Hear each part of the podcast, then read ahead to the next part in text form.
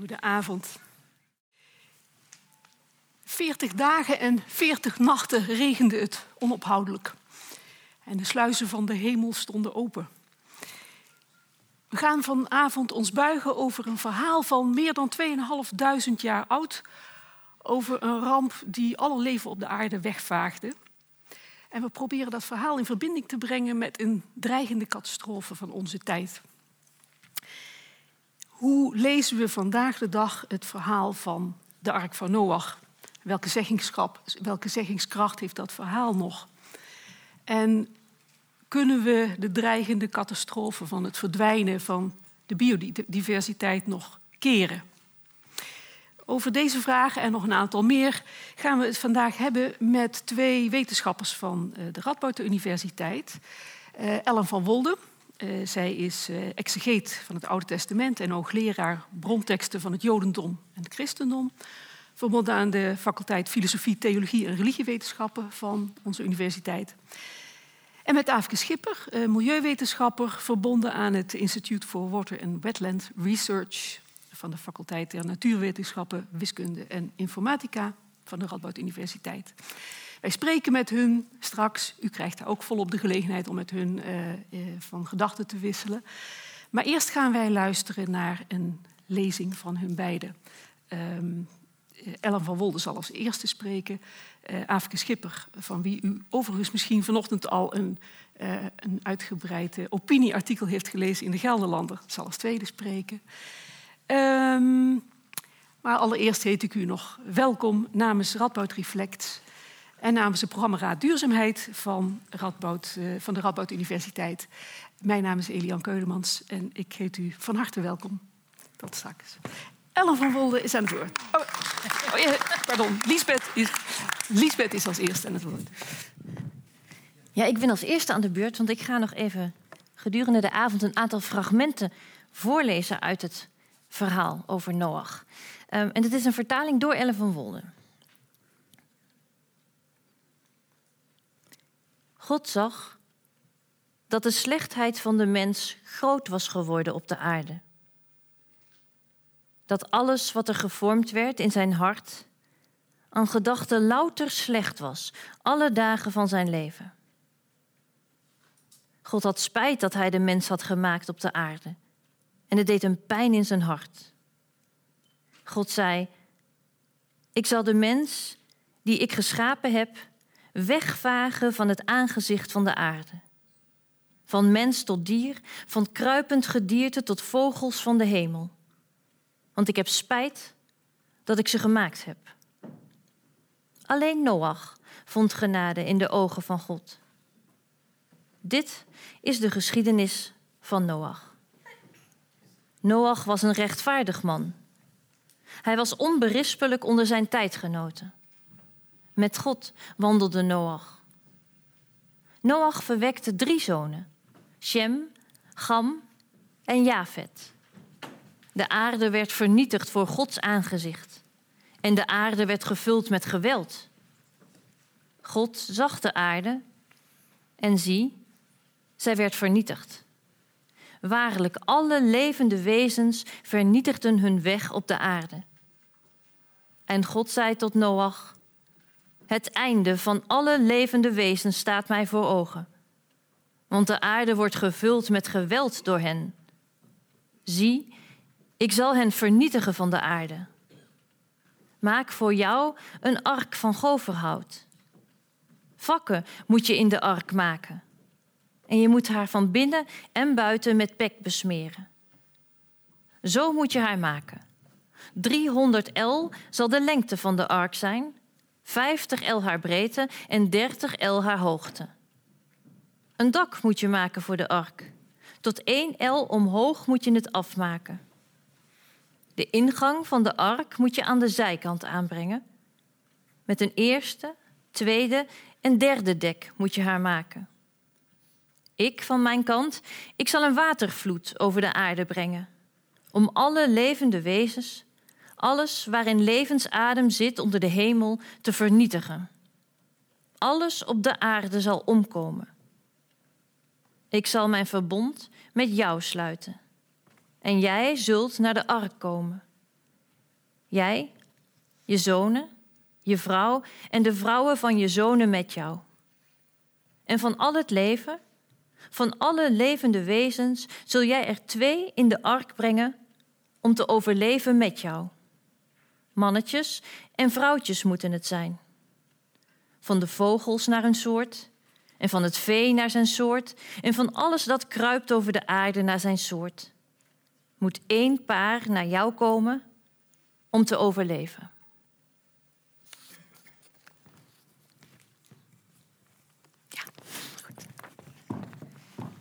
Dankjewel, Lisbeth Jansen, programmamaker van Radboud Reflex, voor je voordracht. We horen jou nog, uh, zien jou nog terug uh, later deze avond. Het woord is nu aan Elle van Wolde. Elle, ga je gang. Dankjewel en goedenavond. Ik hoopte u eigenlijk te kunnen zien, maar u kunt mij wel zien, maar u zit zelf nogal in het donker voor mij. Dat is jammer, want dan kan ik uw ogen niet zien. Noach en biodiversiteit. Nu kunt u natuurlijk denken, jee, dat zijn wel totaal verschillende begrippen. En we hebben net ook al gehoord, met twee dieren elke keer, dat schiet ook niet echt op met die biodiversiteit. Wat kan ik daarover vertellen? Ik wil mijn verhaaltje vanavond in vier delen doen. Ik wil eerst de tekst, zoals we net een stukje gehoord hebben, met u doorlopen en uitleggen. En kijken wat staat er toch precies. Vervolgens wil ik met u kijken wat er van gemaakt is in de loop van de geschiedenis. Dat doe ik vrij kort. En dan zeggen, ja, er zitten eigenlijk twee kanten aan het verhaal. En dan kom ik ook bij het thema van biodiversiteit uit. Wat moeten we met zo'n verhaal nu voor biodiversiteit? Dat is wat ik mij in 20 minuten ten doel stel. Goed, het verhaal. Het verhaal staat bekend onder de naam zonvloed. Heel veel mensen denken dat het woord zonvloed is van zonde en vloed. Dat is niet zo. Het is eigenlijk van het oud-Nederlandse sint, S-I-N-T, vloed. En dat betekent gewoon een reusachtig grote vloed. Nou, dat klopt denk ik erg goed. Het verhaal begint met de reden waarom besluit God ertoe om zo'n enorme vloed over de aarde te brengen dat alles vernietigd wordt. En u heeft het net kunnen horen, de reden is buitengewoon simpel. De mensen maken er een puinhoop van. Dat is de reden dat God volgens die tekst, ik praat nu steeds volgens die tekst, dat ga ik niet steeds zeggen, in het verhaal dat God besluit tot een grote vloed om namelijk de aarde te bevrijden van die mensen en alles wat erop zit. Eén rechtvaardige is er slechts. En die heet Noach. Nu is het eigenlijk handig als je een klein beetje Hebreeuws kent. Namelijk het woord Noach, daar zit een soort uh, zin, woordspeling in. Toen hij geboren werd, zei zijn vader: Deze man zal ons troost brengen. Er zit iets van het woord troost in. Tegelijkertijd staat er: Alleen Noach is de rechtvaardige, die vindt genade in mijn ogen. Nou staat er in het Hebreeuws geen. C-H-N. En de naam Noach is precies het omgekeerde. N-C-H.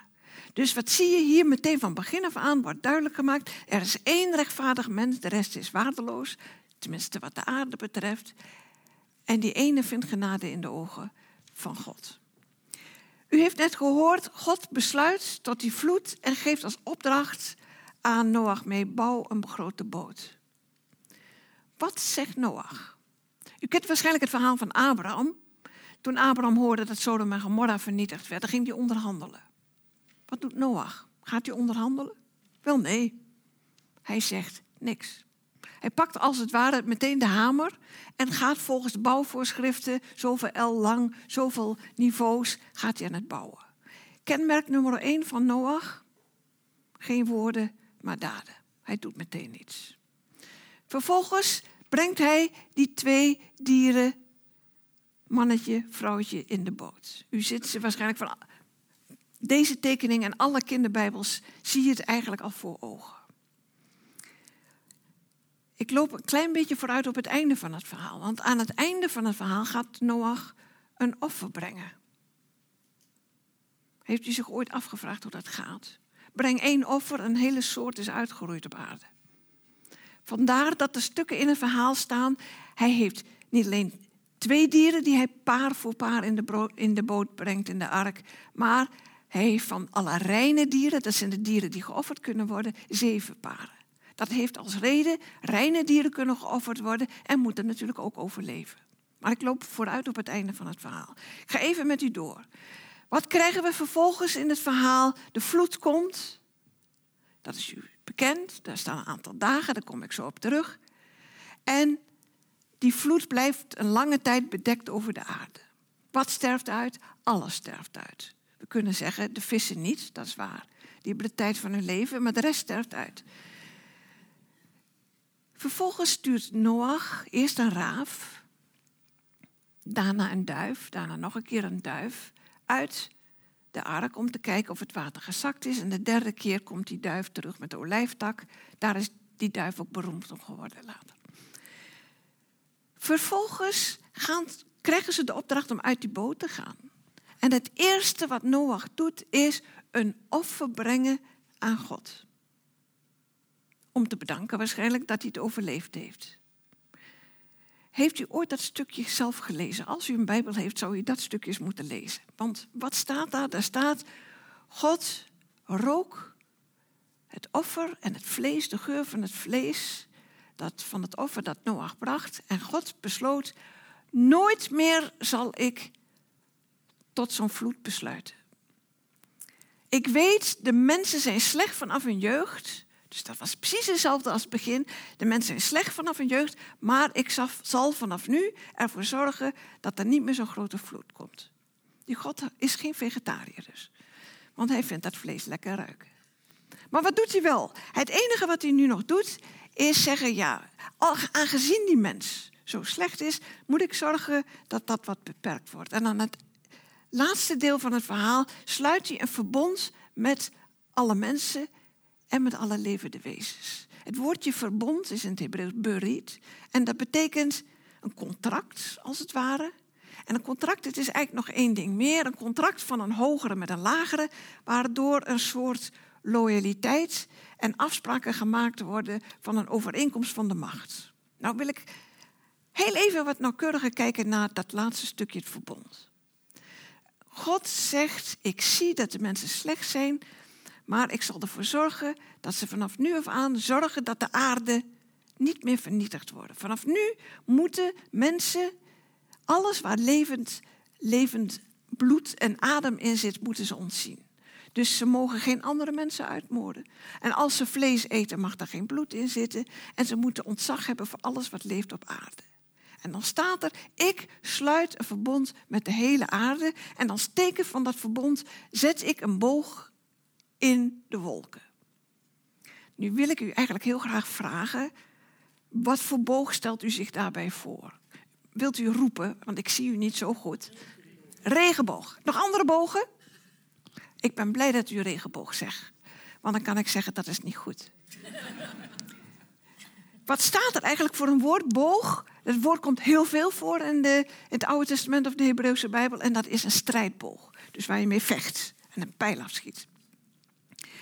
Dus allereerst, het woord dat er staat is strijdboog. Ten tweede staat er, ik zet mijn boog in de wolken. Mijn boog. Dan moet u weten, elke keer als er een gevecht is in de Bijbel, en dat is nog alles, degene die wint, die heeft zijn boog. En die boog staat als symbool voor zijn macht. Dus je hebt, elke keer staat mijn boog bij David, staat het voor de macht van David. Het derde element, als er staat boog in de wolken, het woordje voor wolk slaat niet op een regenwolk. Dat is een ander woord voor wolk. Er staat wolkendek. Dat is een ander woord in het Hebreeuws. De vierde, als u zou denken, ja, maar het regende toch veel, want er was een zondvloed. Dan moet u weten, volgens het verhaal was die regen en die vloed toch ook al twaalf maanden geleden. Dat is toch nogal lang voor een regenboog. Conclusie is, wat er eigenlijk staat, is: God zegt: Ik sluit een verbond met jullie. En als teken van dat verbond zet ik mijn boog, mijn teken van de macht, in dat wolkendek tussen hemel en aarde. En telkens als ik die boog zie, weet ik dat ik mijn macht voor een deel gedeeld heb met alle levende wezens op de aarde. Dus het is een contract waarin van de macht gedeeld wordt maar ook een deel van de bevoegdheid overhandigd wordt aan de levende wezens op de aarde om te zorgen voor die aarde. Wie zijn die levende wezens? De mensen natuurlijk. Maar die mensen moeten rekening houden vanaf dat moment met alle levende wezens. Ze dragen verantwoordelijkheid, maar ze zijn niet de enige. Zo eindigt dit verhaal zoals dat in Genesis hoofdstuk 6 tot en met begin hoofdstuk 9 staat. Een verhaal wat de aanleiding is de slechtheid van de mensen, die niet verandert. Die mensen die blijven egoïstisch, maar de vernietiging van de aarde wordt geprobeerd een grens aan te stellen door, door die mensen de opdracht te geven ontzag en eerbied te hebben voor alles wat leeft op de aarde. Oké, hoe zie ik dat aan het einde van het verhaal? Aan het einde van het verhaal staat eigenlijk. Nee, ik, moet, ik zeg even iets anders. Eigenlijk, als je dat hele verhaal goed bekijkt, is het een soort scheppingsverhaal en een anti-scheppingsverhaal in één.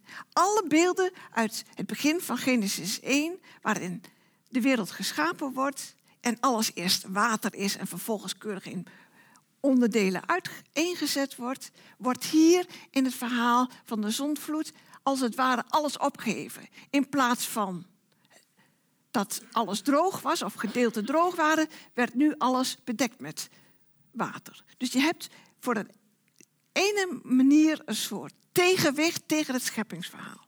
Ook nog op een andere manier. U weet misschien, in Genesis 1 is alles naar de tijd gedeeld. Je hebt zes dagen van scheppen en de zevende dag van de rust. Als u nu dit antischeppingsverhaal leest, dan staat er het als volgt. Alles wordt met water bedekt. In zeven dagen staat er, de vloed begint zeven dagen nadat God Noach in de ark zendt. Veertig dagen valt de regen op de aarde. 150 dagen zijn de water op de aarde. 40 dagen duurt het voordat Noach het raam opent en de dieren weer terugkomen. En dan zeven dagen, na zeven dagen gaat Noach van boord. Het is een ontzettend duidelijk parallel verhaal tegenover het scheppingsverhaal. Hoe eindigt het? Voortaan zullen alle dagen van de aarde, zaaitijd en oogsttijd, koude en hitte, zomer en winter, dag en nacht, niet ophouden te bestaan. Dus het gaat heel uitdrukkelijk om alle dagen van de aarde. Veel centraler dan voorheen, waar het over de mens nog meer ging, gaat het over de aarde. Nou, nog één stapje secuurder. Wees vruchtbaar en vul de aarde, zegt God tegen Noach en zijn zonen. En alle levende wezens zullen ontzag hebben voor jullie. Ik geef hen in jullie hand. Oké, beheer. Jullie moeten ontzag hebben voor het leven in alles wat leeft. Mens, dier en plant. Uit jullie hand zal ik rekenschap vragen. En dat is precies, zijn de twee kanten van de medaille die het verhaal steeds probeert duidelijk te maken. Jullie hebben verantwoordelijkheid. Jullie krijgen het in de hand, maar uit jullie hand zal ik ook verantwoording vragen.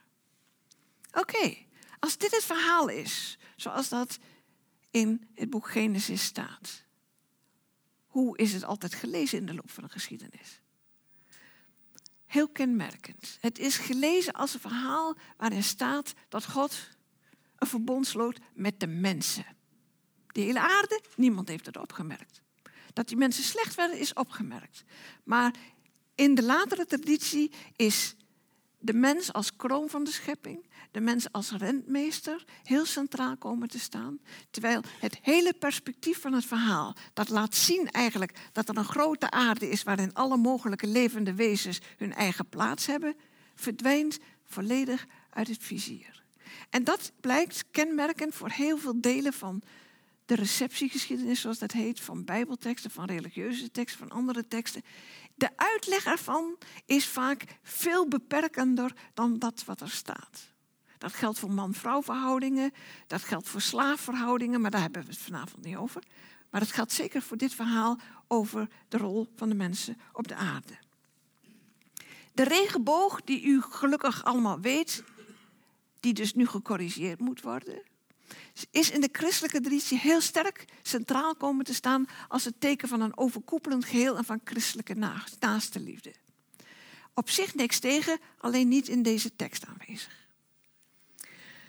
Goed, nu hebben we het verhaal gehad en kort genoemd wat de receptiegeschiedenis gebeurd is. Maar waar gaat dit verhaal dan over in een zin van wat hebben wij daar in zekere zin nu nog aan? Ik denk minstens binnen het verhaal twee elementen. De element van de controleerbaarheid en de niet-controleerbaarheid. Wat bedoel ik daarmee? Er zijn natuurlijk veel natuurrampen van tsunamis tot grote vloed, tot een vulkaanuitbarsting, waar mensen niet zoveel aan kunnen doen. Maar er zijn ook elementen waar mensen wel wat aan kunnen doen. En dat is meer de controleerbaarheid. En het dit verhaal probeert heel nadrukkelijk die twee aspecten, wat Noach er wel aan kan doen en niet aan kan doen, met elkaar te combineren. U weet misschien nog dat ik zei aan het begin, de naam Noach heeft te maken met de naam genade. Hij vindt genade. Het woord genade is, je krijgt iets zonder het verdiend te hebben. Dus het feit dat Noach en de familie en de mensen het overleefd hebben in die tijd, die extinctie, dus de hele vernietiging van alles, wordt hier benoemd als een element van genade en niet iets van eigen verdiensten. Dat zie je in heel deze tekst terug, ook al gaat Noach vervolgens zelf het doen. Die twee elementen denk ik dat in de huidige discussie steeds opnieuw terugkomen. We kunnen wat doen en voor een deel hebben we ook niet alle controle over alle elementen. Wat deze tekst heel sterk wil benadrukken is, alles hangt met alles samen. Er is een verbond tussen alle levende wezens, een relationeel netwerk als het ware. En de fundering daarvoor wordt in Bijbelteksten gegeven door God, die dat hele relationele netwerk van de aarde en de levende wezens erop in stand wil houden. Dus niet de ene individu, maar het hele relationele netwerk. Ten slotte, als laatste element.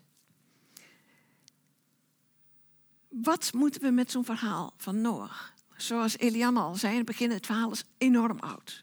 2.500 jaar minimaal. Het is tijdenlang doorverteld. Maar het biedt geen technologische oplossing voor onze problemen niet. Nu. Waar is zo'n verhaal wel goed voor? Het laat volgens mij twee dingen echt uitstekend zien. Twee dingen die het laat zien is namelijk dat ook al ben je een enkeling, zoals Noach, de rechtvaardige, en is de hele wereld om je heen andere meningen toegedaan, die ene rechtvaardige kan ons tot voorbeeld strekken. Dat is wat we minstens kunnen leren. Die gewoon aan de slag gaat.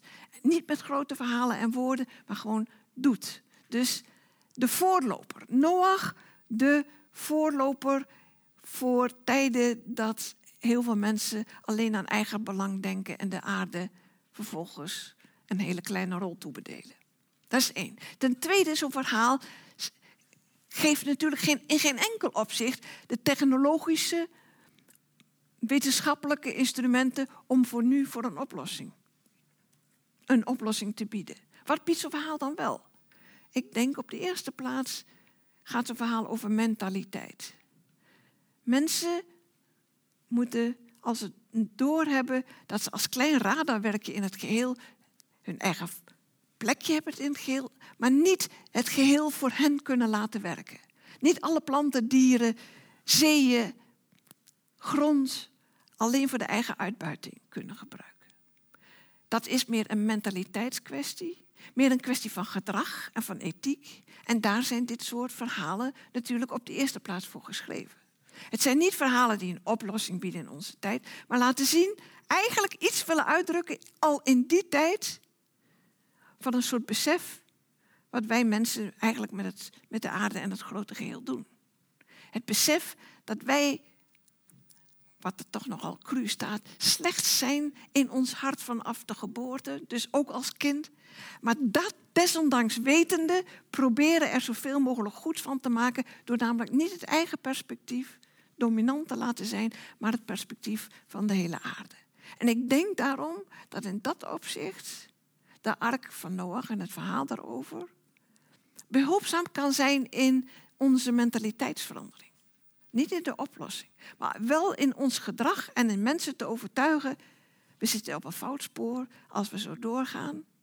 En wat toen een zondvloed was, is nu natuurlijk in heel veel andere manieren al bezig doordat wij zelf de aarde naar de verdommenis helpen. Eindig ik zo somber? Nee.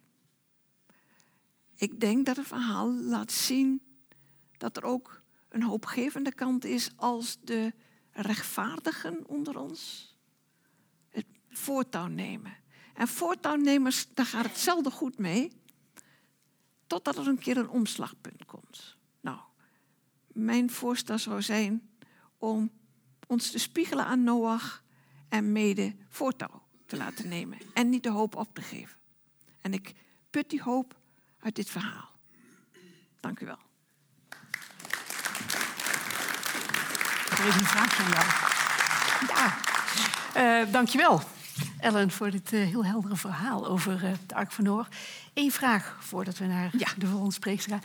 Vanuit het perspectief van het verhaal, je schetst dat God een verbond sluit met de mensen, met de hele schepping. Is vanuit het perspectief van het verhaal, waarom is vanuit het perspectief van het verhaal die vernietiging eigenlijk nodig? Had dat niet zonder uh, al die ellende gekund? Eh, vanuit het perspectief van het verhaal is... al die andere mensen zijn zo slecht... daar wil ik eigenlijk niet mee voort. Dus dat is gewoon... daarmee is het niet te doen. De hoop is dat met deze familie van rechtvaardigen... er een nieuwe start gemaakt kan worden. Ja. In de veelheid van de slechte mensen... Exact. toch die hoop op de, ja. Op de weinige rechtvaardigen. Oké, okay, dankjewel. Oké. Okay. Um, we gaan luisteren naar de volgende spreekster. Afke Schipper. Ga je gang. Dankjewel. Even kijken waar ik ga staan. Want uh, in tegenstelling tot Ellen heb ik ook wat slides uh, meegenomen. En na het mooie verhaal van Ellen is aan mij de eer om een uh, meer milieuwetenschappelijk perspectief te bieden op biodiversiteitsverlies. Ja, dit is de verkeerde kant, denk ik. Nee. Dan heb ik hulp nodig van iemand van de techniek, vrees ik. Ah, dankjewel.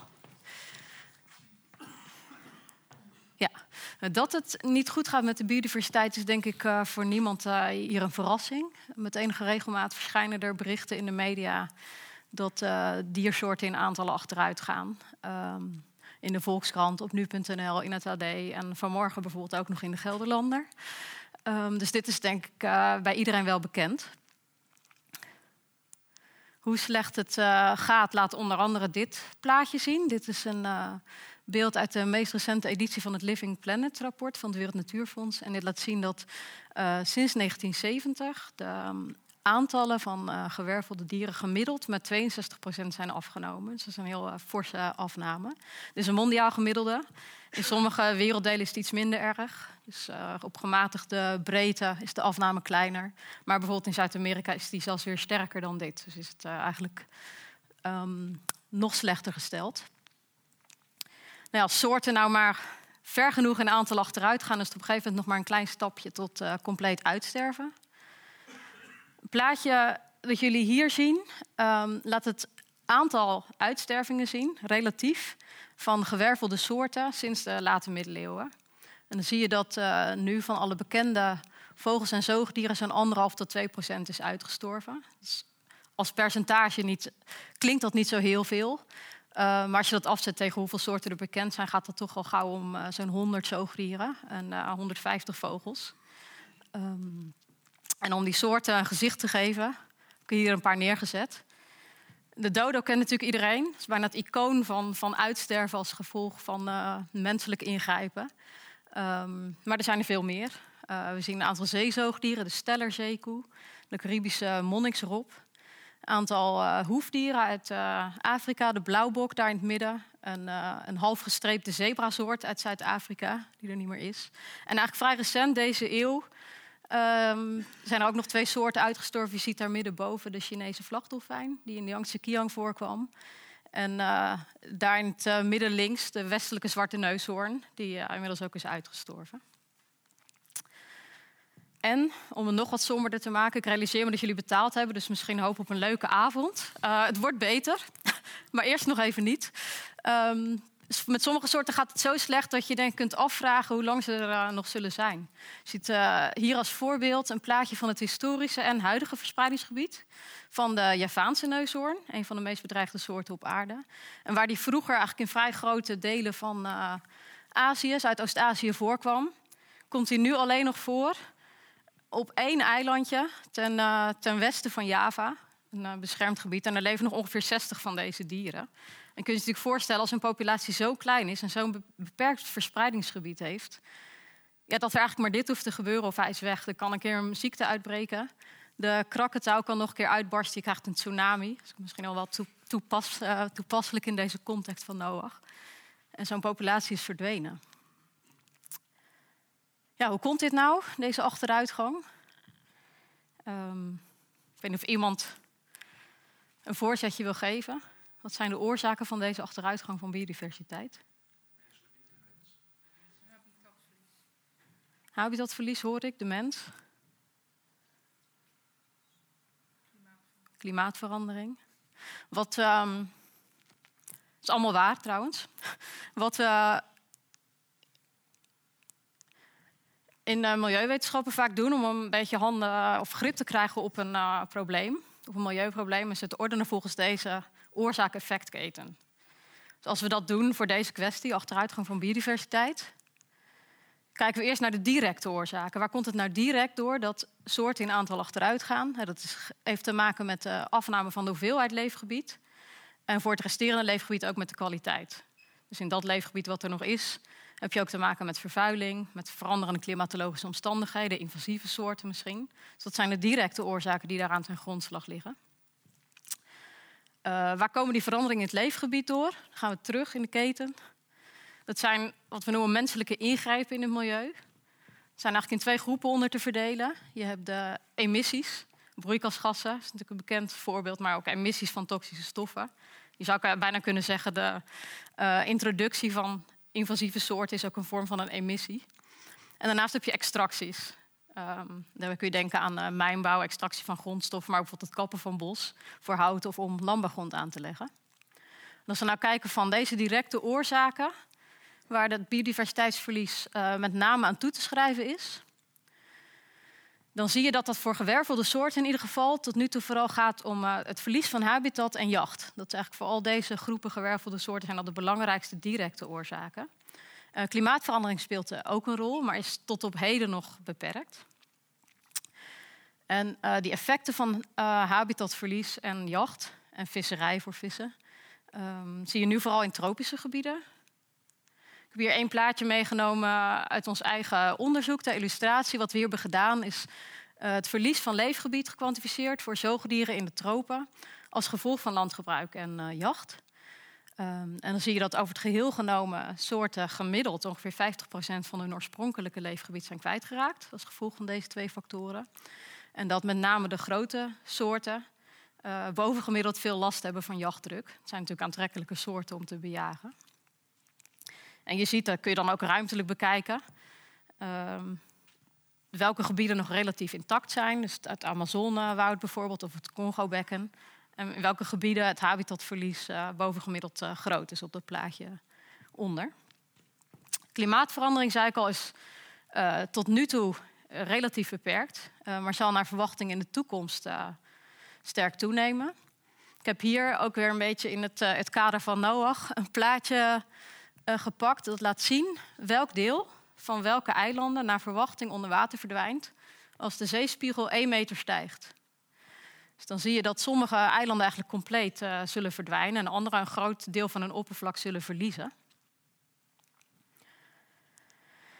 En deze soort, dat is, de, dat is een uh, katoenstaartrad, was een endemische soort op een van de eilandjes in het uh, Groot Barrière Rif. Deze soort heeft eigenlijk de twijfelachtige eer om bekend te staan als, als eerste soort die, waarvan het uitsterven officieel is toegeschreven aan klimaatverandering, de zeespiegelstijging. Dus het leefgebied van deze soort, dat eilandje, is, dermate gekrompen dat die soort verdwenen is. Nou, klimaatverandering leidt natuurlijk niet alleen tot, tot zeespiegelstijging, maar ook gewoon tot veranderingen in temperatuur- en neerslagpatronen. Dit is wederom een plaatje uit ons eigen onderzoek. Wat we hier hebben gedaan, is voor verschillende uh, mogelijke temperatuurstijgingen mondiaal gekeken welk percentage van de vissen uh, mogelijk last krijgt van te hoge watertemperatuur of te lage rivierafvoer. Dus daar hebben we projecties van gemaakt. Dat is natuurlijk met, met onzekerheden omgeven, zoals alle projecties. Maar je kunt hiermee wel zien dat met name in tropische en mediterrane gebieden er mogelijk problemen ontstaan voor zoetwatervissen wereldwijd. Dus dat voor de directe oorzaken. Nou ja, wat er uiteindelijk ultiem natuurlijk aan ten grondslag ligt, werd net ook wel even door iemand genoemd, um, zijn de behoeften die wij als mensen hebben. Die leiden tot die ingrepen in het milieu. Um, dus onze behoefte aan kleding, aan voedsel, aan mobiliteit, um, aan spullen. Kort gezegd, eigenlijk alles uh, wat wij doen en kopen. En ik denk van sommige van die uh, producten of diensten, is natuurlijk bij iedereen inmiddels wel bekend dat dat een impact heeft. En je hoeft niemand denk ik meer te vertellen, nou ja, vliegen dat, dat stoot wat broeikasgassen uit of autorijden. Uh, voor een heel aantal van die producten is die impact ook wat meer verborgen. Dat zie je er niet direct aan af.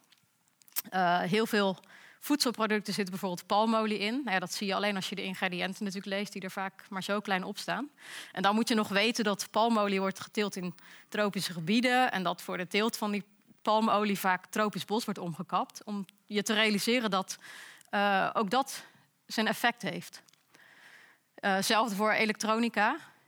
Zo'n laptop of mobiele telefoon is doorgaans heel zuinig in het gebruik. Maar er gaat, er gaat heel veel uh, milieu-impact gepaard met de productie van die dingen. Dus er is heel veel energie, um, uh, mineralen voor nodig. Er komen toxische stoffen bij vrij om die dingen te maken. Dus eigenlijk alles alles wat wij doen en kopen heeft een soort uh, voetafdruk, zou je kunnen zeggen, op milieu. En um, doordat die handelstromen van al die producten en grondstoffen steeds meer een mondiaal karakter krijgen, zou je kunnen zeggen, heeft onze voetafdruk dat eigenlijk ook steeds meer. En dit plaatje laat dat uh, zien. Het is wederom uh, onderzoek van onze eigen groep. Wat we hier hebben gedaan, is eigenlijk kijken naar de export en import van biodiversiteitsverlies. Dus als je naar de consumptie in bepaalde landen of regio's via informatie over de handelsstromen koppelt aan de emissies en extracties in andere regio's, dan kun je eigenlijk zien welke landen of regio's biodiversiteitsverlies exporteren en welke het importeren. En wat je dan ziet, dat zal denk ik ook niemand verbazen. Dus in die zin is dit uh, geen heel uh, uh, revolutionair nieuws. Maar dat met name de westerse meer ontwikkelde landen en regio's biodiversiteitsverlies importeren vanuit met name de tropische regio's. Dus je ziet pijlen met biodiversiteitsverlies van het Midden-Oosten en Azië naar bijvoorbeeld de Verenigde Staten. Je ziet een groot import van biodiversiteitsverlies vanuit Zuid-Amerika naar Europa. En dat heeft dus allemaal te maken met de steeds meer mondiaal georiënteerde handelsketens en productstromen. En al met al um, is de invloed van mensen op de wereld inmiddels dusdanig uh, dat er wordt gezegd dat we eigenlijk een nieuw geologisch tijdperk zijn binnengegaan. Dat we ons niet meer in het Holocene bevinden, maar in het Anthropocene. Vandaar de titel van mijn uh, presentatie. Waarin mensen zo grote invloed hebben op de planeet dat we mogelijk misschien zelfs bepaalde uh, grenzen van de planeet zullen gaan overschrijden als het gaat om het klimaatsysteem, um, biodiversiteit, uh, oceaanstromingen. Dan is de volgende vraag natuurlijk, dit wetende, wat uh, doen we daar dan aan? Dus dat is het laatste blokje in die oorzaak-effectketen. Wat is eigenlijk je maatschappelijke antwoord daarop? Wat moeten we hiermee? Kun je eigenlijk weer diezelfde keten voor gebruiken? En dan uh, ga je hem in omgekeerde volgorde af. Dus wat je zou kunnen doen, als er sprake is van biodiversiteitsverlies, is soorten weer herintroduceren. Uh, bekende voorbeelden waarmee dat gebeurt zijn bijvoorbeeld de bever in de Biesbos of de slechtvalk in uh, Noord-Amerika in uh, de jaren 70, toen die soort heel sterk was achteruit gegaan als gevolg van DDT. zijn er veel inspanningen verricht om die soort weer opnieuw te herintroduceren. Ehm, het is een, eh, iets wat in de tweede helft van de 20e eeuw is opgekomen. Dus je zou kunnen zeggen dat Noach in die zin zijn tijd heel ver vooruit was. Dat hij de eerste was die actief herintroductie van soorten liet plaatsvinden. Dus dat kan. Maar als je naar deze keten kijkt, dan snap je natuurlijk ook meteen dat dat alleen zin heeft als je zorgt dat het leefgebied waar die soorten terechtkomen, in ieder geval ook geschikt is voor die soorten. Anders is het een soort dweilen met de kraan open. Dus je moet, om dit succesvol te laten zijn, ook iets doen aan die milieucondities. Nou, er zijn ook natuurlijk weer verschillende typen maatregelen voor. Uh, je kunt uh, denken aan het efficiënter maken van productie. Bijvoorbeeld door andere landbouwgewassen. Als je dat doet, je, kun je met minder oppervlakte dezelfde opbrengst halen. Leidt tot minder biodiversiteitsverlies. Of je kunt kiezen voor schonere energiebronnen waarmee je minder broeikasgassen uitstoot. Of je kunt op het moment dat die broeikasgassen al zijn uitgestoten, ze misschien nog uh, wegvangen vanuit de emissies of zelfs direct vanuit de lucht. Maar ultiem, en dan raak ik hier eigenlijk een beetje aan de lezing van Ellen. Ultiem zullen we tegelijk ook toch iets moeten doen aan uh, de consumptie, dus de, de, de, mentaliteitsverandering. Dus dat zijn twee typen oplossingen. De meer technische oplossingen om te zorgen dat uh, je de impact per eenheid product verkleint. En de meer gedragsmatige oplossingen om te zorgen dat je de totale belasting verlaagt. Allebei zinvol. Er wordt wel eens gezegd, mensen zijn over het algemeen in te delen in twee groepen. Mensen die geloven in techniek of mensen die geloven in gedragsverandering. Um, allebei werkt. Tot op zekere hoogte. En ik denk uiteindelijk dat je allebei uh, nodig hebt. Wat je hier ziet als voorbeeldje van de, winst die je kunt halen met techniek, helemaal aan de rechterkant boven, is het uh, gemiddelde elektriciteitsverbruik van een koelkast. En dan zie je dat dat uh, in Nederland over eigenlijk uh, 20 jaar met een, meer dan een factor 3 verlaagd is. Dus dat is een enorme winst. Tegelijk zie je, als je kijkt naar wat huishoudens in huis hebben aan elektrische apparaten, dat dat sterk is toegenomen. In 1980 had iedereen een koelkast, 2005 uh, nog steeds. Maar daarnaast hadden mensen in 2005 in toenemende mate computers, wasdrogers en vaatwassers. Dus die winst die gemaakt is hier, dankzij de, uh, verbeterde techniek, is uiteindelijk netto deels weer teniet gedaan door het grotere verbruik. Dus als je daaronder kijkt, het verbruik per huishouden is uiteindelijk netto toch gestegen. En dezelfde effect zie je eigenlijk hier. Auto's zijn steeds zuiniger geworden, dus dat is winst. Maar tegelijkertijd zijn ze ook groter geworden. Er zit airco in. Dus uiteindelijk is de uitstoot per kilometer niet zo heel veel gedaald. Je kunt natuurlijk zeggen, als je die technologische innovaties niet had gedaan, was het nog erger geweest. Um, dus er is zeker winst. Maar alleen daarmee uh, red je het waarschijnlijk niet. Er moet dus ook iets veranderen aan de hoeveelheid uh, consumptie. Dit uh, plaatje laat eigenlijk de ruimtebelasting en ook de uitstoot van broeikasgassen zien. Van een aantal uh, eiwitbronnen, zou je kunnen zeggen. rundvlees, kaas, varkensvlees en vegetarische varianten.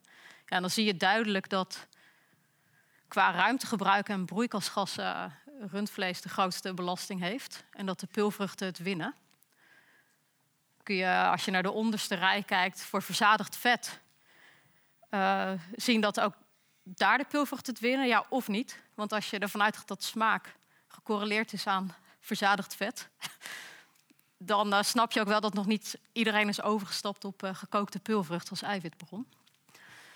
Um,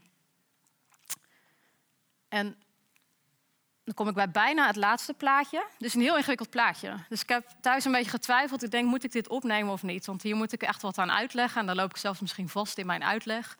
En mensen kijken misschien wat glazig. Maar ik dacht, ik doe het toch.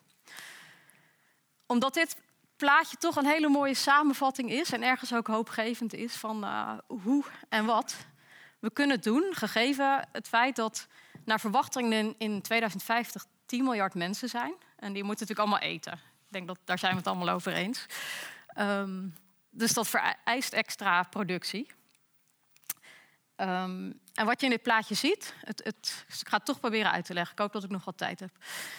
Het groene is eigenlijk, geeft de, de draagkracht van de planeet weer. En het rode is een zone waarvan men denkt, als we daarin gaan, raak je misschien een beetje aan de grenzen van wat de aarde kan hebben.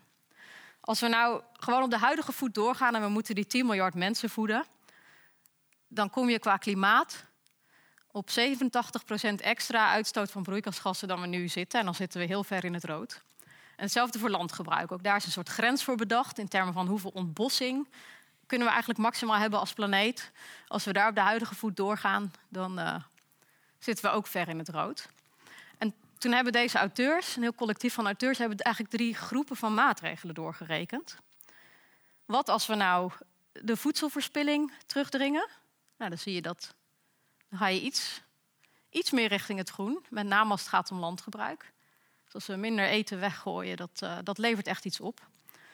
Wat als we nou zorgen dat we onze productie steeds efficiënter maken, dus uh, de, de oplossing zoeken in de technologie? Um, dan zie je dat dat met name voor landgebruik heel veel winst nog kan opleveren. Dus we kunnen met betere productiemethoden, optimalisatie van de landbouw, uh, met een veel kleiner ruimtebeslag eigenlijk, een groter aantal mensen voeden. Uh, dat geldt voor broeikasgassen in mindere mate, dus daar zitten we denk ik al redelijk aan een optimum qua efficiëntie. En daarnaast is gekeken naar wat als we nou allemaal anders gaan eten. Um, dat levert voor, qua landgebruik dan niet eens zo heel veel op. Maar vooral als het gaat om, dat is misschien verrassend, die uitstoot van broeikasgassen. Omdat er met name in de veehouderij ook heel veel broeikasgassen worden uitgestoten. En het mooie van dit plaatje is, daarom wilde ik er ook mee eindigen. Als je nou die oplossingen eigenlijk allemaal combineert, dan zie je dat je zowel voor klimaat als voor landgebruik in de groene zone terechtkomt. Dus eigenlijk zelfs onder het huidige niveau van milieubelasting terecht zou kunnen komen. Hoe je dat bereikt en of je alle mensen zover krijgt, is een tweede. Uh, maar het kan dus wel. En daar wilde ik mijn verhaal dan ook uh, mee eindigen, met een citaat. En rakend ook aan de hoop waar Ellen het over had.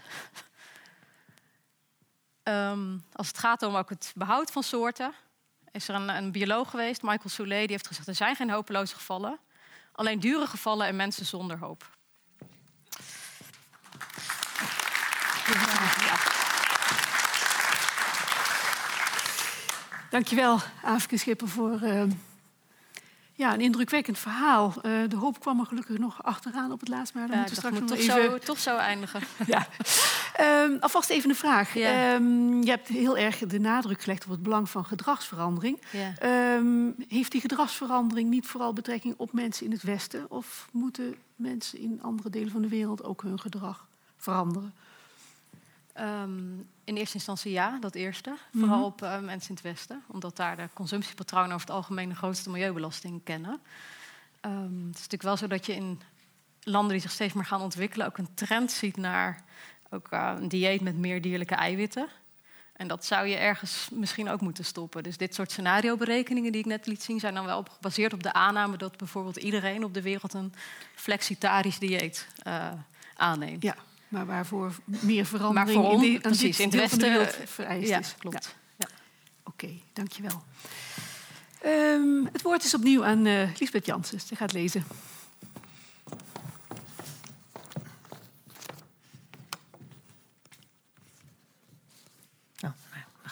Ik wilde iets anders. Even doorklikken. Ah, uit. Hops. Het gebeurde na zeven dagen dat de wateren van de vloed over de aarde kwamen. In het zeshonderdste levensjaar van Noach, in de tweede maand, op de zeventiende dag van de maand, op die dag barsten alle bronnen van de grote diepte open en werden de sluizen van de hemel geopend. Slagregens vielen veertig dagen en veertig nachten over de aarde. Op diezelfde dag ging Noach en Shem, Gam en Jafet, de zonen van Noach, en de vrouw van Noach en de drie vrouwen van, van de zonen met hen, naar de ark. Zij en al het leven naar zijn soort, al het vee naar hun soort, alles dat kruipt over de aarde naar zijn soort, al het gevogelte naar zijn soort, alle vogels van allerlei gevleugelte. Zij kwamen naar Noach, naar de ark. Twee aan twee van alle levende wezens waarin levensadem zit. Zij die kwamen, waren de mannetjes en vrouwtjes van alle levende wezens, zoals God hem geboden had. En God sloot de deur achter hem. De vloed was veertig dagen over de aarde. En de wateren namen toe en hieven de ark op. En zij rees op boven de aarde. De wateren werden krachtiger en namen geweldig toe over de aarde. En de ark voer over het aangezicht van het water. De wateren werden nog veel krachtiger over de aarde en alle hoge bergen onder de hele hemel werden overdekt. Vijftien el daarboven stegen de wateren en de bergen werden overdekt. Alle levende wezens die kruipen over de aarde, de vogels, het vee, al het leven, al het wemelende gedierte dat over de aarde wemelt en alle mensen kwamen om. Alles met levensadem in de neusgaten, alles op het droge stierf. Hij vaagde al het bestaande van het aangezicht van de aarde weg, van mens tot dier, van kruipend gedierte tot vogels van de hemel. Zij werden van de aarde weggevaagd. Alleen Noach bleef over en wat met hem in de ark was. De wateren werden krachtiger over de aarde, 150 dagen lang. God herinnerde zich Noach en al het leven en al het vee dat met hem in de ark was. En God liet een wind over de aarde waaien en de wateren kwamen tot stilstand. Dankjewel. Nee, Jan, uh, daar zit het.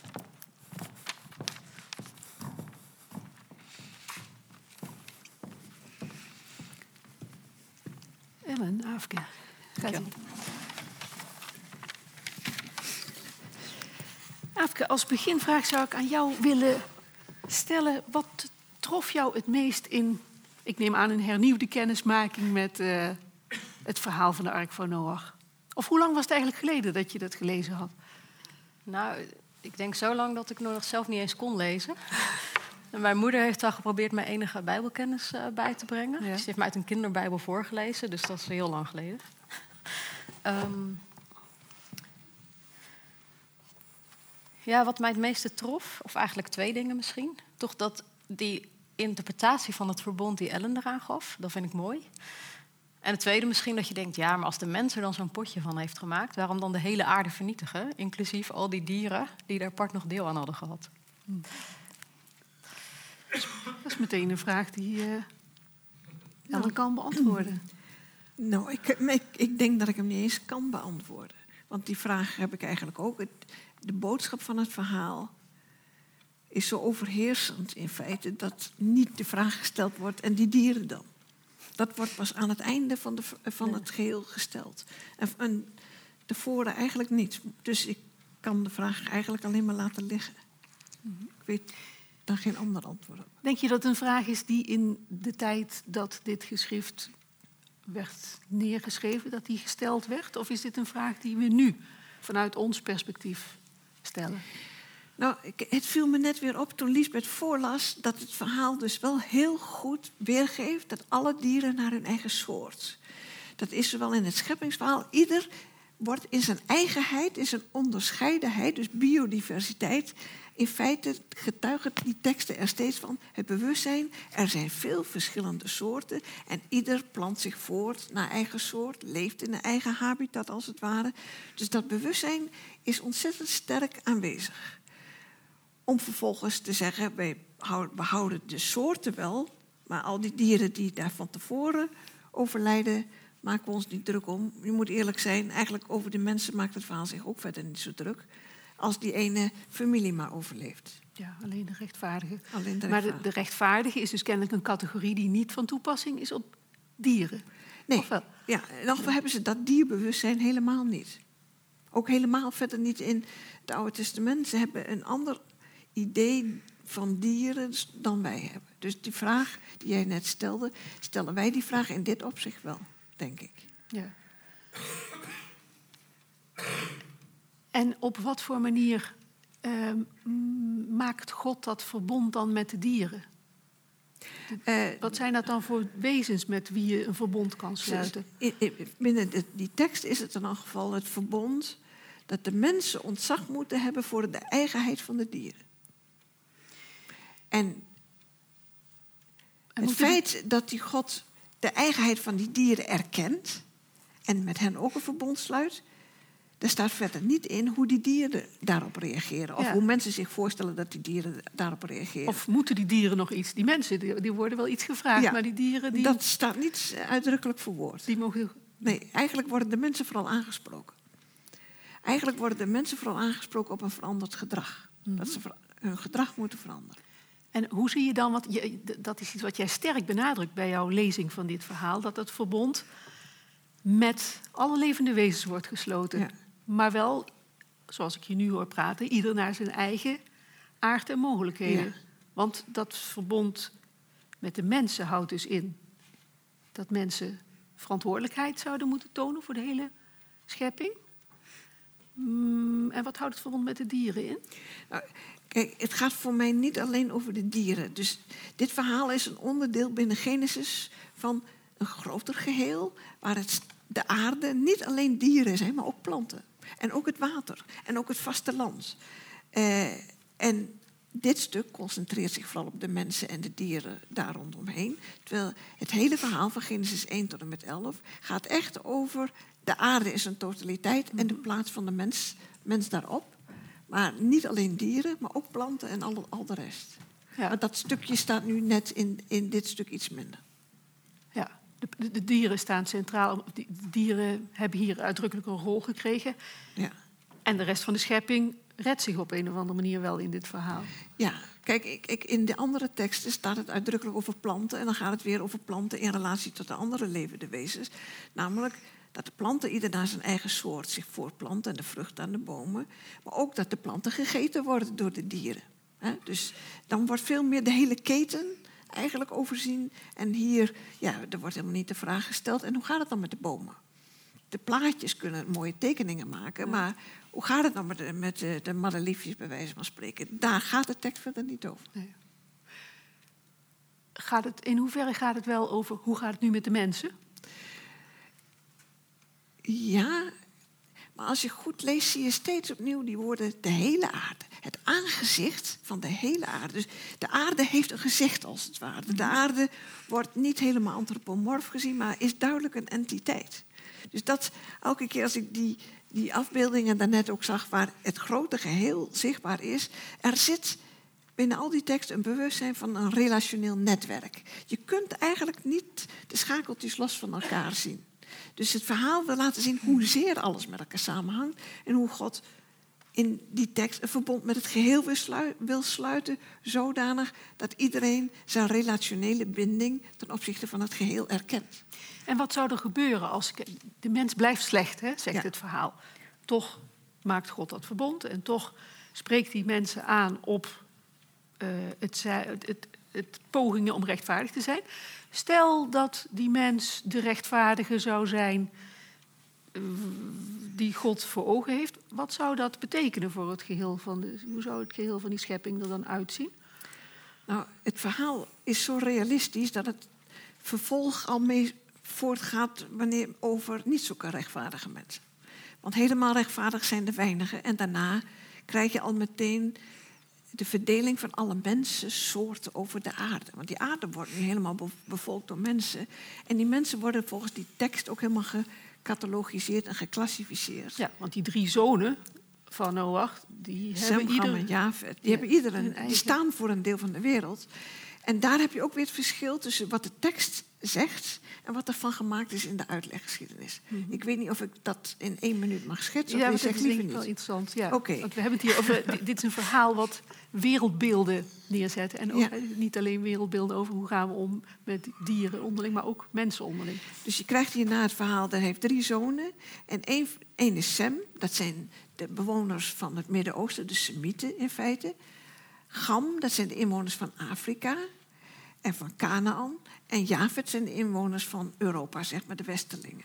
En het verhaal geeft daarna aan dat Gam ziet de naaktheid van zijn vader Noach. Die, die hield zoveel van de planten, namelijk de wijndrank. En die dronk te veel, die lag naakt en dronken. En Gam, in dat verhaal, ziet die naaktheid en wordt daardoor gestraft. Alle nakomelingen van Gam worden gestraft. Alle Afrikanen worden gestraft. Dit verhaal, met Sem gaat het goed en met Javed gaat het ook goed, maar iets minder goed dan met Sem. En dit verhaal is in de uitleggeschiedenis helemaal benut ter verdediging van apartheid. Dus alle afstammelingen van Gam zijn de negers. En in Zuid-Afrika daadwerkelijk hebben synodes dat in de 60 jaren besloten. In de tekst staat zelf dat God de afstammelingen van Gam een lagere plaats in de schepping hebben gegeven. Dus dat is steeds het gevaar van Bijbelverhalen. Enerzijds wat er staat in de eigen context en vervolgens wat er van gemaakt wordt. En dat is vaak ideologisch gekleurd en vanuit de eigen positie gekleurd. Ja. Het is interessant om dit even naar voren te halen, omdat wij, wat wij nu vanavond proberen, is te kijken wat kunnen we hier nou voor uit een soort. Het is een soort van oerverhaal, zou je kunnen zeggen, over, uh, over rechtvaardigheid, maar ook een oerverhaal over een ramp die de wereld overspoelt. Wij proberen ook na te gaan, wat, zou, wat zouden we hieruit kunnen halen uit zo'n oerverhaal voor nu? En wat jij nu vertelt is eigenlijk uh, naar voren halen wat een risico eigenlijk altijd het interpreteren van dit soort verhalen is. Terwijl we al 2,5 jaar, 2.500 jaar dit soort verhalen blijven vertellen en blijven interpreteren. Ja.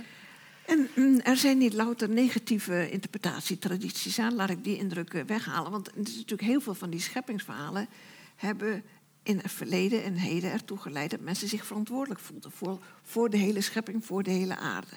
Maar wel altijd met de ondertoon van het draait om ons, wij zijn het centrum. En ik denk dat die teksten daar geen aanleiding toe geven. En dat punt zou ik dus ook voor het heden mee willen nemen. Ja. En daar zijn we denk ik meteen bij jouw verhaal. Zo, dat is uiteindelijk een heel kritisch punt in jouw verhaal. Dat uh, de, de, de gedragsverandering, zeg jij, hè, dat die belangrijk is. En die gedragsverandering is nodig omdat wij onszelf, mensen, als centrum van alles zien en uh, uh, ja, vanuit het eigen belang. Nou, ik zou zeggen, die, ja, die gedragsverandering is nodig. Als je, dat is dan een, een aanname. Als je het erg vindt dat het um, met natuurlijke ecosystemen en met de biodiversiteit op aarde zo slecht gaat. En als je dat een halt zou willen toeroepen, dat is dan de aanname, dan is een gedragsverandering nodig, omdat je het met techniek alleen eigenlijk niet redt.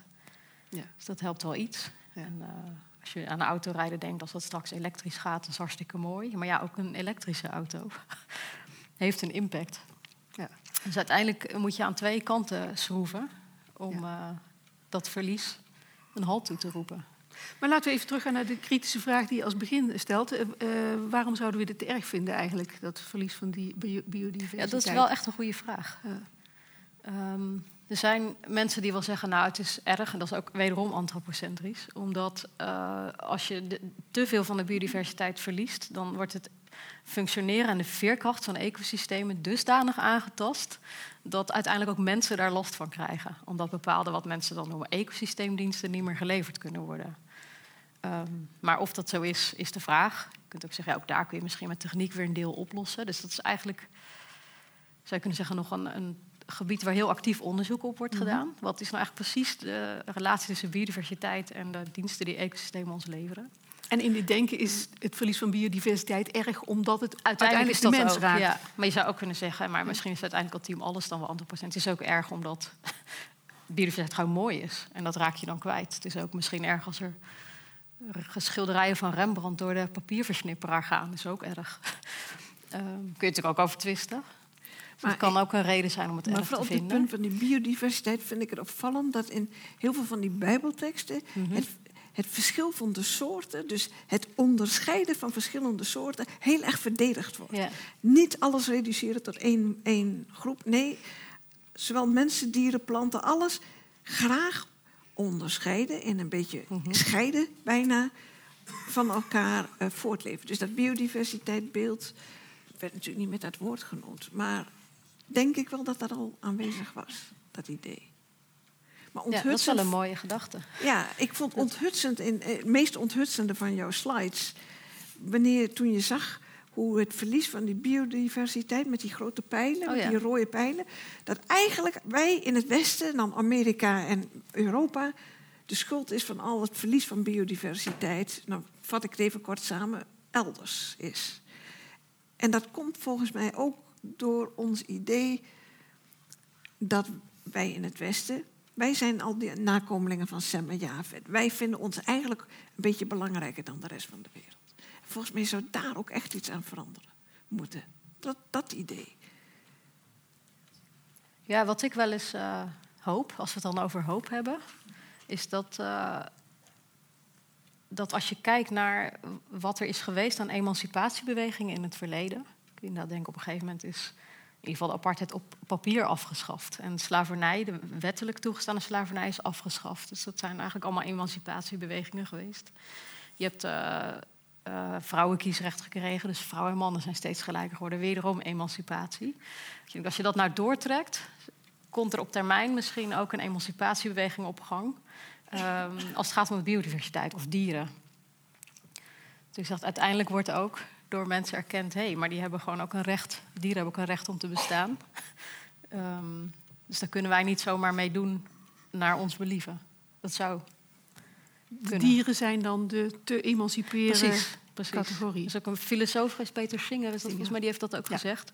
De, de, mate van beschaving van, uh, van de maatschappij lees je eigenlijk ook af aan hoe mensen met hun dieren omgaan. Ja, hij, nou, wie hij, weet, na het afschaffen van de slavernij en introductie van vrouwenkiesrecht, uiteindelijk ook een emancipatie van dieren of biodiversiteit in brede zin. Ja, Singer is ook iemand die echt uitdrukkelijk over dierenrechten ja. spreekt. Hè? Ja. Uh, en planten? Ja, dus dat geldt uiteindelijk als je doortrekt natuurlijk hetzelfde voor. Ja. Mm -hmm. De plant is misschien net iets anders als het gaat over individueel lijden. Wat een dier misschien meer kan dan een plant. Of waarschijnlijk, in ieder geval de hogere gewervelde dieren. Maar voor, de, voor het bestaan van soorten geldt natuurlijk ultiem hetzelfde. Hm. Ja. Wat, wat, is het, uh, uh, wat is het worst case scenario als je dit verhaal wat jij net vertelt en um, ervan uit zou gaan dat we het niet redden om dit allemaal te stoppen? Waar, waar loopt dit op uit? Waar, wat wordt onze zonvloed? dat is een heel moeilijke vraag, want dan moeten we inderdaad in de toekomst gaan kijken. Volgens mij weet niemand dat precies. Ik stipte in mijn uh, presentatie wel even die zogeheten planetary boundaries aan. Dus ja. echt de grenzen van de draagkracht van de aarde. Maar ook daarvan is niet precies bekend waar die dan liggen. En vooral ook niet wat er gebeurt als je die overschrijdt. Uh, dat is trouwens een van de redenen volgens mij waarom ze daar zijn afgeleid. Van ja, als we daar overheen gaan, weten we gewoon niet meer precies wat er gebeurt. Grens uh, is ook de grens van ons kennen. Eigenlijk bijna wel. Mm -hmm. ja, dan kom je in een andere toestand, maar die, dat kunnen we niet extrapoleren op basis van wat we nu weten. Er ontstaat iets nieuws. We weten um, dat er een dramatische omwenteling... Mogelijk, mogelijk, ja. We komen in condities ja. terecht die we niet kennen. Um, wat ik mezelf daarbij voorstel is wel in ieder geval een stuk onleefbaardere wereld. Uh, in termen van ja, meer uh, natuurrampen en grotere delen van de wereld die minder bewoonbaar zijn. Op, op wat voor manier? Um, ja, die qua condities gewoon uh, echt, echt onplezierig worden. Zoals je nu midden in de Sahara hebt. Dat je denkt, kun je redelijkerwijs niet leven. Dus daar kun je meer van krijgen. Terwijl kun je ook zeggen, ja, klimaatverandering is, geeft misschien... Dus dat maakt het ook zo moeilijk. De, de wereld is heel heterogeen. Geeft misschien op sommige plekken juist wel een leefbaardere toestand. Mm -hmm. En, we, en, welke soorten gaan overleven? Wat zegt u? Welke soorten gaan overleven? Ja, dan denk ik die soorten, de, de generalisten... Uh, die zich snel kunnen voortplanten en zich snel kunnen aanpassen aan veranderende omstandigheden. Um, en wat zijn dat? En dan denk ik aan ratten bijvoorbeeld. die redden het wel. Ja. Muggen zullen het ook wel redden. Muggen? Muggen. En uh, in het plantenrijk? Paardenbloemen, denk ik. Maar een goede kans. Grassen, denk ik ook. Ja. Grassen. Bepaalde soorten die nu uh, invasief zijn. Ja, die hebben kennelijk ook het vermogen om zich snel aan te passen, snel voor te planten, snel Invasief, uit te breiden. Dus die van buiten naar uh, ja. geïmporteerd zijn, zal ik maar ja. zeggen. Dus het wordt een wat homogener, homogenere wereld, minder biodivers. Ja. Mm -hmm. ja. En in dat worst case scenario is de, zijn mensen ook wat minder uh, voorkomend dan nu? Ja, ook dat weet je volgens mij niet precies. Wat, wat denk er, je? Nou, durf ik zo gauw geen uitspraak over te doen. Wat, je, wat ik me zou kunnen voorstellen is dat de wereld op nog meer plaatsen wat instabieler raakt. Maar ook dat weet ik niet zeker. En je kunt ook, er zijn ook mensen die zeggen, nou, maar als je naar de hele historie van de mensheid kijkt, is er juist allerlei reden om, alle reden om optimistisch te zijn op dat vlak. Want het aantal uh, conflicten met geweld um, is juist afgenomen. Het is eigenlijk alleen maar afgenomen, terwijl we nu met meer zijn. Dus ja, waarom uh, zou die trend zich niet voortzetten? Dus ik durf eigenlijk niet te zeggen of het uh, qua maatschappelijk of het instabieler wordt. En waar zit dan volgens jou toch het grootste gevaar in? Want je, het, is, het, wel, is heel alarmistisch wat je uh, naar voren brengt. Wat is wat jou betreft uiteindelijk het, het gevaar of het grootste risico of datgene wat we moeten vermijden? Als je uiteindelijk niet weet waar het op uitloopt. Nou, misschien ook wel dat. Je zegt als een voorzorgsbeginsel. Omdat we niet precies weten waar we ja. terechtkomen, kunnen we maar beter een beetje voorzichtig mee zijn. Uh, ja, en daarbij dan, maar dat heeft niet zoveel met risico te maken, maar ook meer met misschien je levensinstelling. Van dat, ja, accepteer je het dat je al die soorten verliest? Vind je dat acceptabel of niet? Je zegt, ja, nee, dat vind ik. Het gaat maar aan mijn hart. Het gaat denk ik veel mensen aan het hart toch ja. wel. Ja, dan moet je om die reden daar wat aan doen. Maar niet zozeer misschien omdat met het uh, wegvallen van de olifant er iets heel dramatisch gebeurt. Behalve dat, dat op zichzelf van het feit dat er geen olifanten meer zijn. Ja, er is niet een soort van objectief criterium waarom het verlies van die soort iets heel verschrikkelijks is. Uiteindelijk is er een soort van ethische. Deels. En dat andere is gewoon nog eigenlijk onvoldoende bekend. Dus dat wat, wat ik net al even aanstipte, er wordt wel onderzoek gedaan naar hoeveel biodiversiteit heb je dan nodig voor een stabiel ecosysteem. Ja, daar zijn nog geen precieze grenzen voor. Dus het is nog niet uh, wetenschappelijk onderbouwd. En de vraag is of dat wel bestaat. Van ja, voor een, voor een stabiel systeem heb je twintig soorten nodig. In die abundanties. Dat weet men gewoon niet. Ja. En we kunnen dat uh, in de praktijk gaan ervaren, maar dat kan je kunt, Ja, het is een gevaarlijk experiment, uitpakken. maar dat kun je inderdaad uh, Ja. Ja. Je hebt in je verhaal benadrukt dat uh, als we een soort van stabiliteit willen handhaven binnen de mate van het mogelijke, dan moet daar een combinatie zijn tussen technologische uh, verandering en, en, een soort mentaliteitsverandering. Uh, waar zou de nadruk moeten liggen volgens jou? Je hebt natuurlijk wel gezegd dat het eigenlijk allebei zo'n beetje zou moeten, maar is er toch een, nog een focus aan te brengen? Ik denk dat dat misschien ook nog wel eens geografisch kan verschillen. Aha.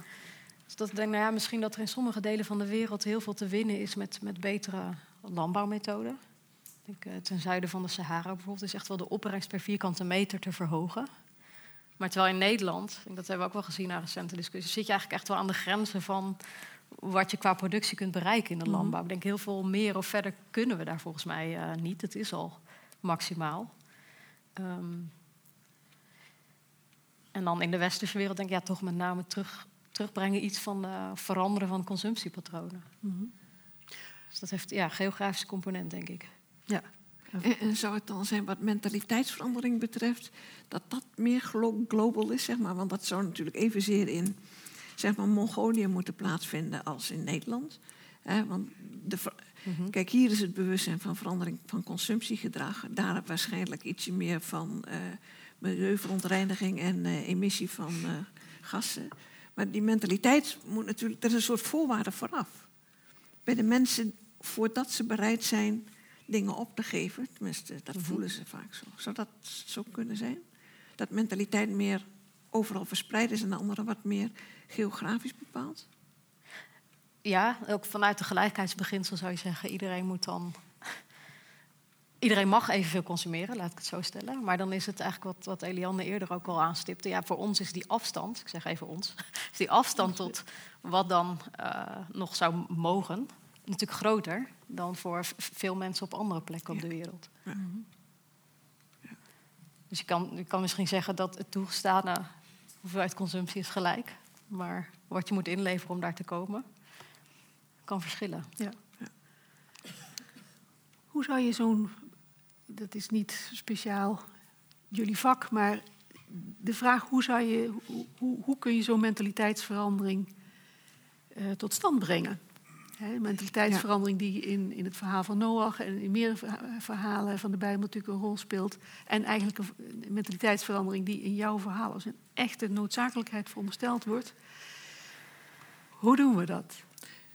Ja, kijk, ik, ik zou zelf aan de hand van Noach zie je, je hebt, je de enkelingen nodig die de, het voortouw nemen. Ik geloof dat er zo'n uitdrukking is. eh, als er één gek, hoe heette die ook alweer? De lonely... De lonely, lone nut. Lone nut. Dat is de eenling die het, de rechtvaardige, die zijn er niet zoveel. De ene die het voortouw neemt. De tweede die volgt en zegt, ja, er zit toch wel wat in. Maar pas bij de derde wordt het een company. Dan, die overtuigt de rest zodanig dat er een, ja, een komt. Dus ik denk, je hebt overal ter wereld mensen nodig die het voortouw nemen. Onderzoekers die het laten zien, verhalenvertellers die het laten zien. Maar voordat het doordringt, heb je een zekere kritische massa nodig. Ik denk dat we nu een beetje in die voorfase zitten. Dus dat we eerder bij nummertje 1 en 2 bezig zijn, zoals dat bij sociale patronen werkt. Maar dat als wij, als wij daar hopelijk bij horen, zoveel werk kunnen verzetten, zodanig dat er of nu of na ons die omslag kan plaatsvinden. Dus in die zin ben ik hoopvol, als er nu maar genoeg mensen zijn die mede het voortouw nemen, dat zo'n omslag kan gebeuren. Dat zou mijn optimistische antwoord zijn. Je gelooft in de, de crowd. Drie is een crowd.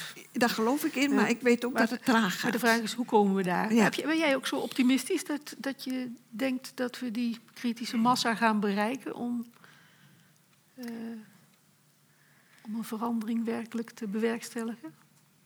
Ik, eh, ik zou zeggen, ik hoop het. Mhm. Maar ik twijfel er ook wel aan. Omdat eh, ook wel bekend is uit meer, meer psychologisch onderzoek. Mijn vakgebied niet, maar ik Ja. lees daar natuurlijk wel eens ook wat over.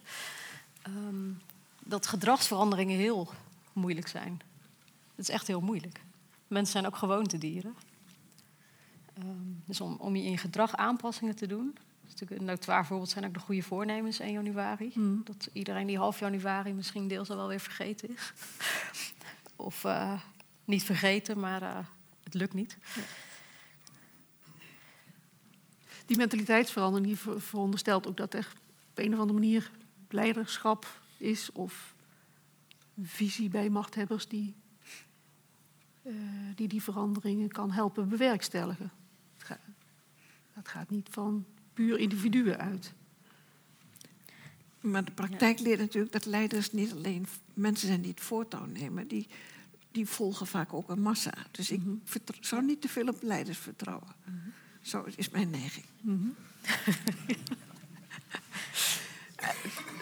Dus eh, te hopen op de, op de, de, de- individuen die. Ja, en dan Eh, eh, niet alleen de, hopen, maar daaraan op, in kleine stapjes misschien aan meewerken. Iedereen binnen zijn eigen terreintje. Kijk, echte veranderingen gaan natuurlijk in kleine stapjes. En zo net, ben ik helemaal met je eens, onder druk der omstandigheden. Mensen veranderen wanneer ze ergens mee geconfronteerd worden en het niet anders kan. Dus al die goede voornemens, niet alleen van januari, maar ook, het is toch vaak als je niet alleen als individu, maar ook als groep ergens mee geconfronteerd wordt, dan kun je kleine stapjes in een richting verandering zetten. En, en is er ehm, een, een aanwijzing te geven wie dat zijn in onze tijd? Noach die gaat met zijn, eh, eh, met zijn eh, overigens met zijn vrouw, hè, die we nog niet hebben Ja, gehoord, en met ja. zijn zonen en de vrouwen van die zonen, die verder allemaal niet zo'n rol spelen. Maar goed, gaat hij op die boot, die overleven. En als wij nu onze catastrofe zien, wie, wie, wie stapt er op de boot die ons uit de catastrofe moeten redden? Heel moeilijk. Moeilijk om aan te wijzen, denk ik. Misschien kan jij het. Nee, ik wou dat ik het wist. Je zou, je zou die vraag. Je zou die vraag. Ga die gang. Misschien leert het verhaal van Noach wel dat er een hogere macht, eh, een, een grote leider nodig is om in te grijpen. Dit vraag ik me wel af. Is er een externe ingreep nodig van buiten de geschiedenis? Het woordje grote leider acht ik niet helemaal van toepassing op God. Ik bedoel, ik, grote leider denk ik dan meestal toch bij mensen en dan word ik een beetje achterdochtig. Ik zie wel de waarde in van God, nog los van heel veel andere zaken. De waarde van God dat je een extern geweten, een extern, ja, het woord mens wil ik niet gebruiken, het woord persoon wil ik niet gebruiken, instantie zeg ik maar even, die het blik van de hele aarde, de hele aardbol centraal stelt. En niet alleen een eigen belang van Nederland of van ons of van wie dan ook. De bird eye view van een godheid heeft al die eeuwen lang mensen ertoe gedwongen zich te verplaatsen in een standpunt die anders is dan die van het eigen belang. Dat alleen al vind ik een enorme waarde van godsdienst in de verhalen en in de teksten, maar dat mensen zich even gedwongen voelen los te komen van hun eigen perspectief, wat vaak vol eigen belang, consumptiedwang of wat dan ook zit. Dus in die zin ben ik met u eens om de God, maar dan liever geen grote leider. Ik denk wel als het van, van aardse leiders moet komen, dat de, het politieke klimaat niet bepaald de goede kant op schuift.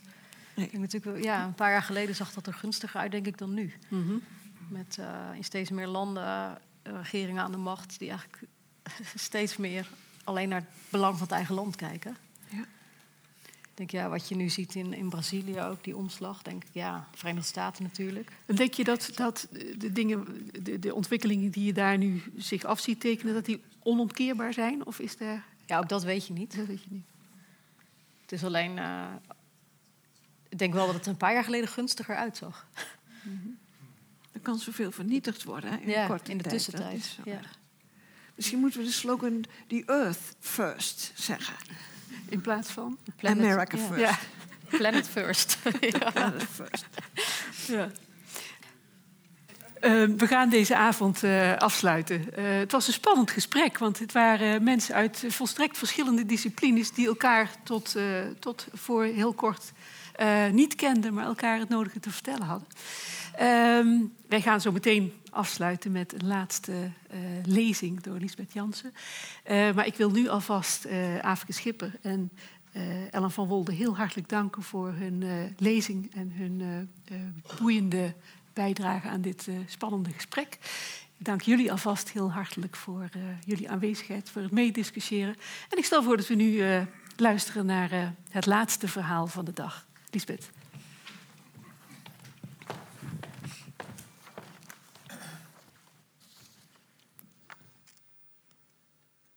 Hij wachtte nog zeven dagen en liet de duif weer uit de ark. De duif kwam tegen de avond naar hem toe en zie, een vers geplukt olijfblad was in haar bek. En Noach wist dat de wateren op de aarde minder geworden waren. Hij wachtte nog een keer zeven dagen en hij liet de duif uit. Maar zij keerde niet meer naar hem terug.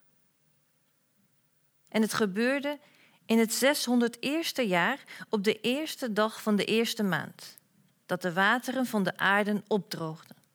En Noach opende het dak van de ark en hij keek.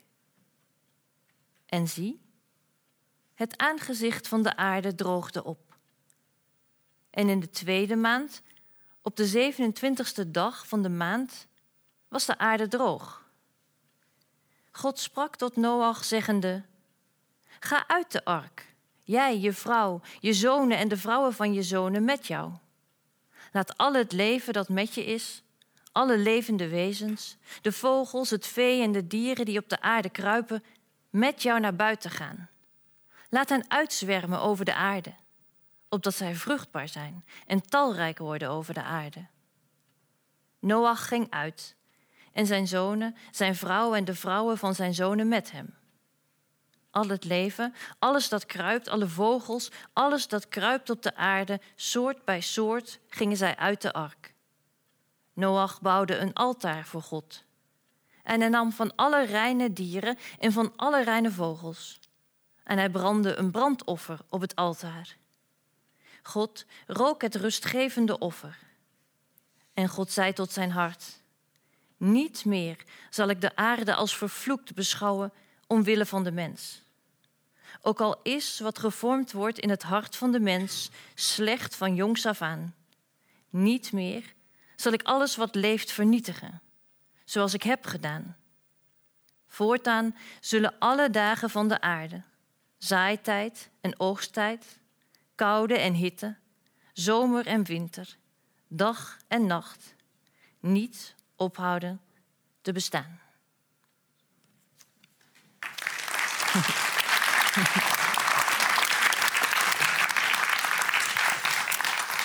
Wel thuis.